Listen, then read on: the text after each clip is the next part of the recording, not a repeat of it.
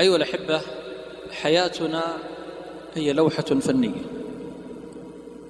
ارسم حياتك كما تريد أنت. لا تجعل غيرك يرسم حياتك.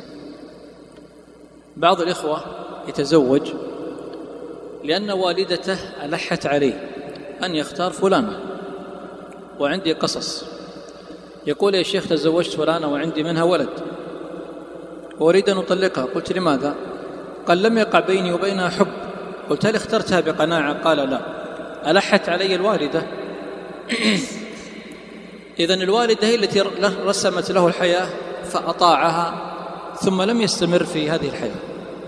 فغير حياته بزوجة أخرى. وظيفتك اخترها أنت. لا تجعل والدك يختارها. صديقك اختره أنت. المسجد الذي تصلي فيه اختاره أنت.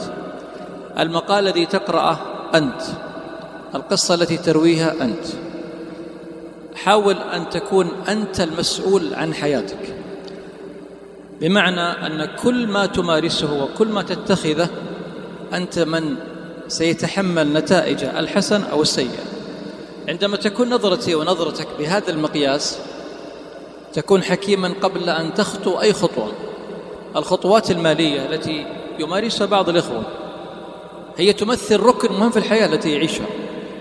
فإذا لم تكن هذه الخطوة تناسب اللوحة الفنية لوحة الحياة فقد يقع فيك كوارث مالية.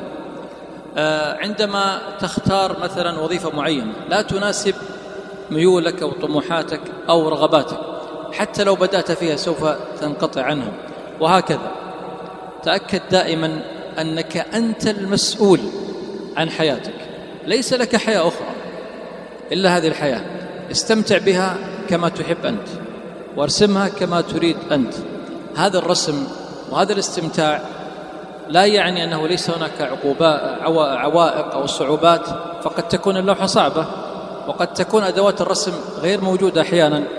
فاستعن بالله عز وجل وجاهد نفسك وستكون حياتك جميلة بإذن الله.